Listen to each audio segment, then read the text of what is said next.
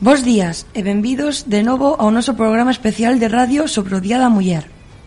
Hoxe temos connosco a máis alumnos de terceiro de primaria, que nos van falar sobre a vida de mulleres extraordinarias, que investigaron coas fontes de información da biblioteca.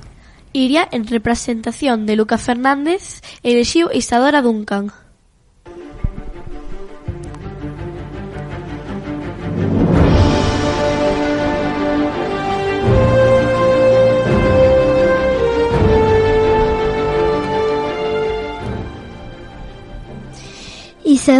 Cá, por Lucas. Había unha vez unha nena a que non lle gustaba ir á escola. Isadora odiaba ter que estar sentada nun pupitre. O que quería era saltar e moverse. Había nacido para bailar. Aos 12 anos xa era unha mestra de danza e viaxou a París e Londres para actuar Ensinou aos outros bailaríns a expresarse libremente e non imitar a xente. Chamábanlle a bailarina do futuro porque cambiou o estilo de ballet clásico. Gareth, en representación de Christian, interesouse pola historia de Ashley Fiolek.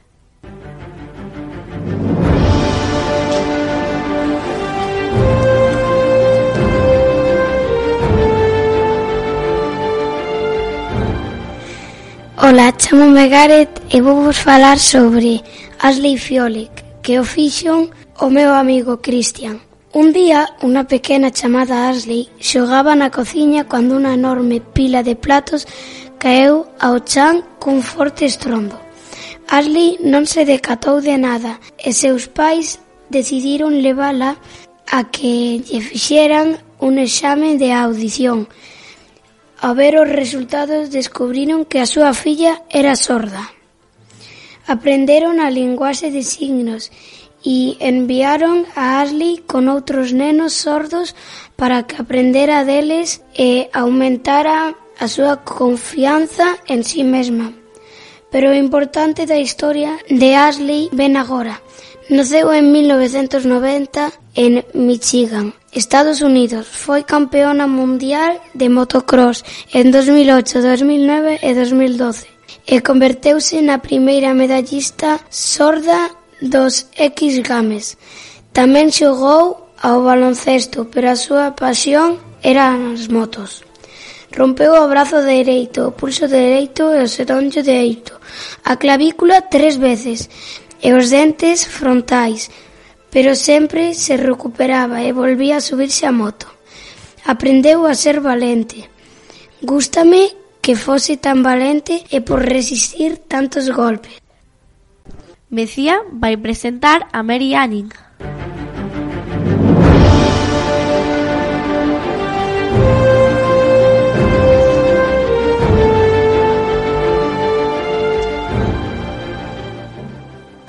Ola, son Mencía e vou a falar sobre Mari Anning. Mari naceu en 1799 nunha pequena aldea de Inglaterra chamada Leime Regis. A súa familia era moi pobre e para chegar a fin de mes axudou a seu pai recollendo fósiles que vendía a turistas. Era un traballo perigoso polos acantilados e polo mar. A pesar de todo, con tan só 11 anos, Mari encargouse do negocio de fósiles cando seu pai falleceu. Houbo unha época na que ninguén escoitaba falar de dinosaurios e pensaban que era imposible que unha especie de animal se extinguese pero Mari axudou a demostrar que iso non era verdade co estudo dos fósiles.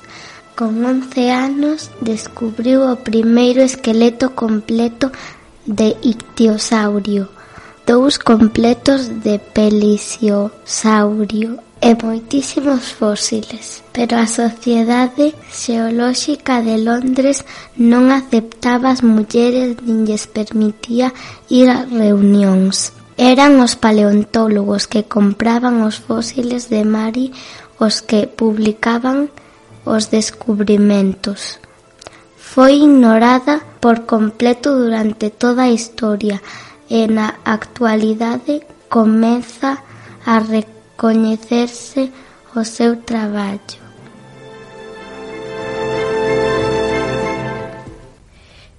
E Darío vai presentar a Capitá Marvel.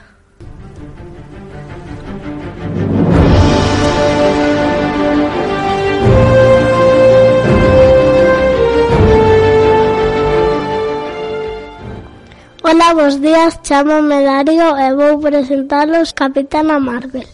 Foi outra heroína que baixou das estrelas e que apareceu nos cómics de Marvel. Foi creada polo escritor Roy Thomas no ano 1968, despois de que o seu ADN se fusionara co de Marvel durante unha explosión e que lle deu poderes sobrehumanos. Foi a primeira muller que apareceu no nos Vengadores e nos X-Men. Tivo outros nomes coma Binaria ou Guarabir, pero no ano 1976 foi considerada a heroína femenina máis grande de Marvel e posiblemente a vengadora máis poderosa da historia. Aínda que sexa unha eh, personaxe de mentira transmite a forza e a valentía da muller no mundo dos cómics.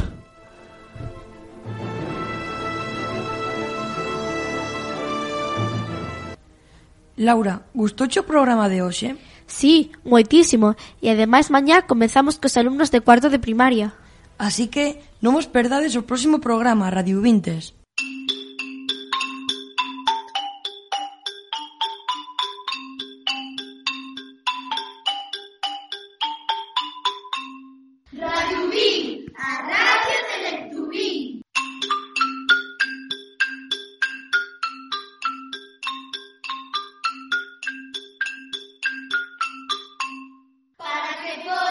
coñecer o que pasa no Cole de Sober.